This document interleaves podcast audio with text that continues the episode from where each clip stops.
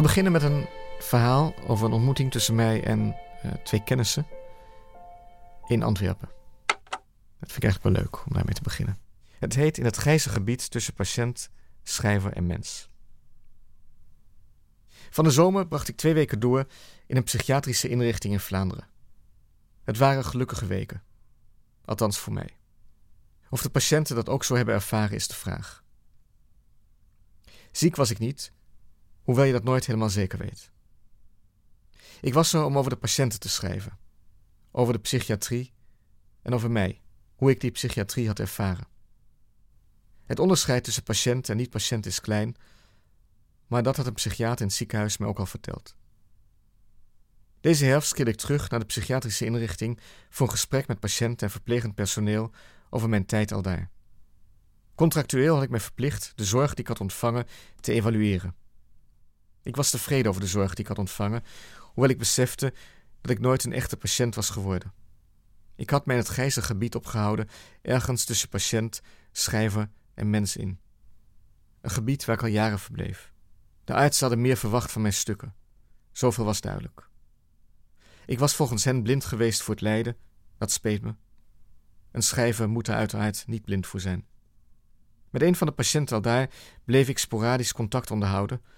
En op een zaterdag in april nam ik vanuit Amsterdam de Thalys om met hem en zijn vriendin in Antwerpen te gaan lunchen.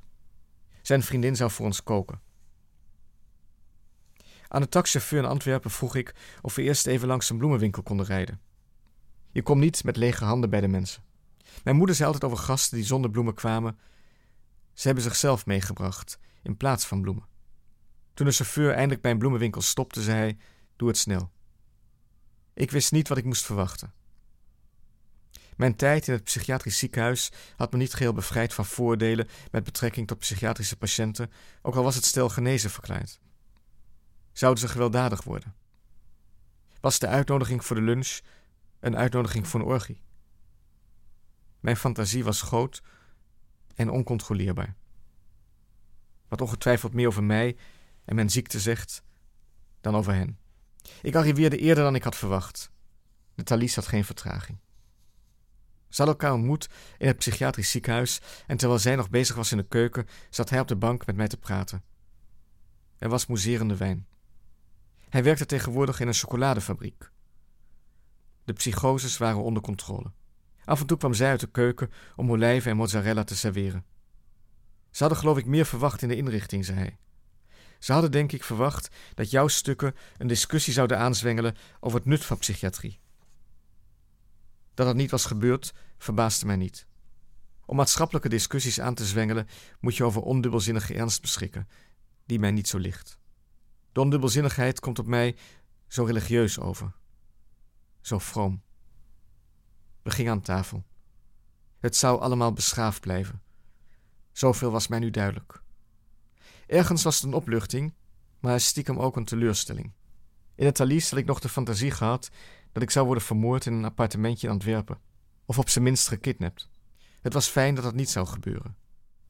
Sterven kon een opluchting zijn, maar het was nog te vroeg voor deze opluchting. En ik wilde eigenlijk ook pas gekidnapt worden als mijn moeder er niet meer is. Tijdens het eten, rijst met kip, het was heerlijk, spraken we over patiënten die we allebei nog kenden uit het ziekenhuis. Een jonge vrouw was mooi geweest toen zij binnenkwam, maar ze had zich verwaarloosd. Zo gaat het in de psychiatrie, vertelde hij. Je wordt gemakzuchtig. Je verwaarloost jezelf. Om half vijf had ik een kaartje voor de Thalys terug naar Amsterdam. Hij bracht me naar het station. In het tram werden twee verwarde types opgepakt door de politie. Ze waren ontsnapt uit een inrichting. Weerstand boden ze niet. Ergens leek ze wel blij dat ze werden opgepakt. Goed dat je dat nog meemaakt, zei hij. Op het perron praten we nog een tijdje door. Hij dacht na een kind, vooral omdat zijn vriendin dat wilde. S'avonds zou een familielid bij hen komen eten die drugsdealer was. Hij was van plan de dealer op het rechte pad te brengen. Op een gegeven moment moeten de mensen zich inschrijven in de maatschappij, zei hij. Ik keek naar de trein. Had ik het lijden nu wel gezien? Zo is dat, zei ik. En ik geloof dat ik met die woorden overtuigend de indruk wekte dat ik me had ingeschreven in de maatschappij. In het Thalys besefte ik eens te meer dat er alleen maar patiënten zijn. Maar sommige patiënten ontsnappen, veelal om dubieuze redenen, aan opname.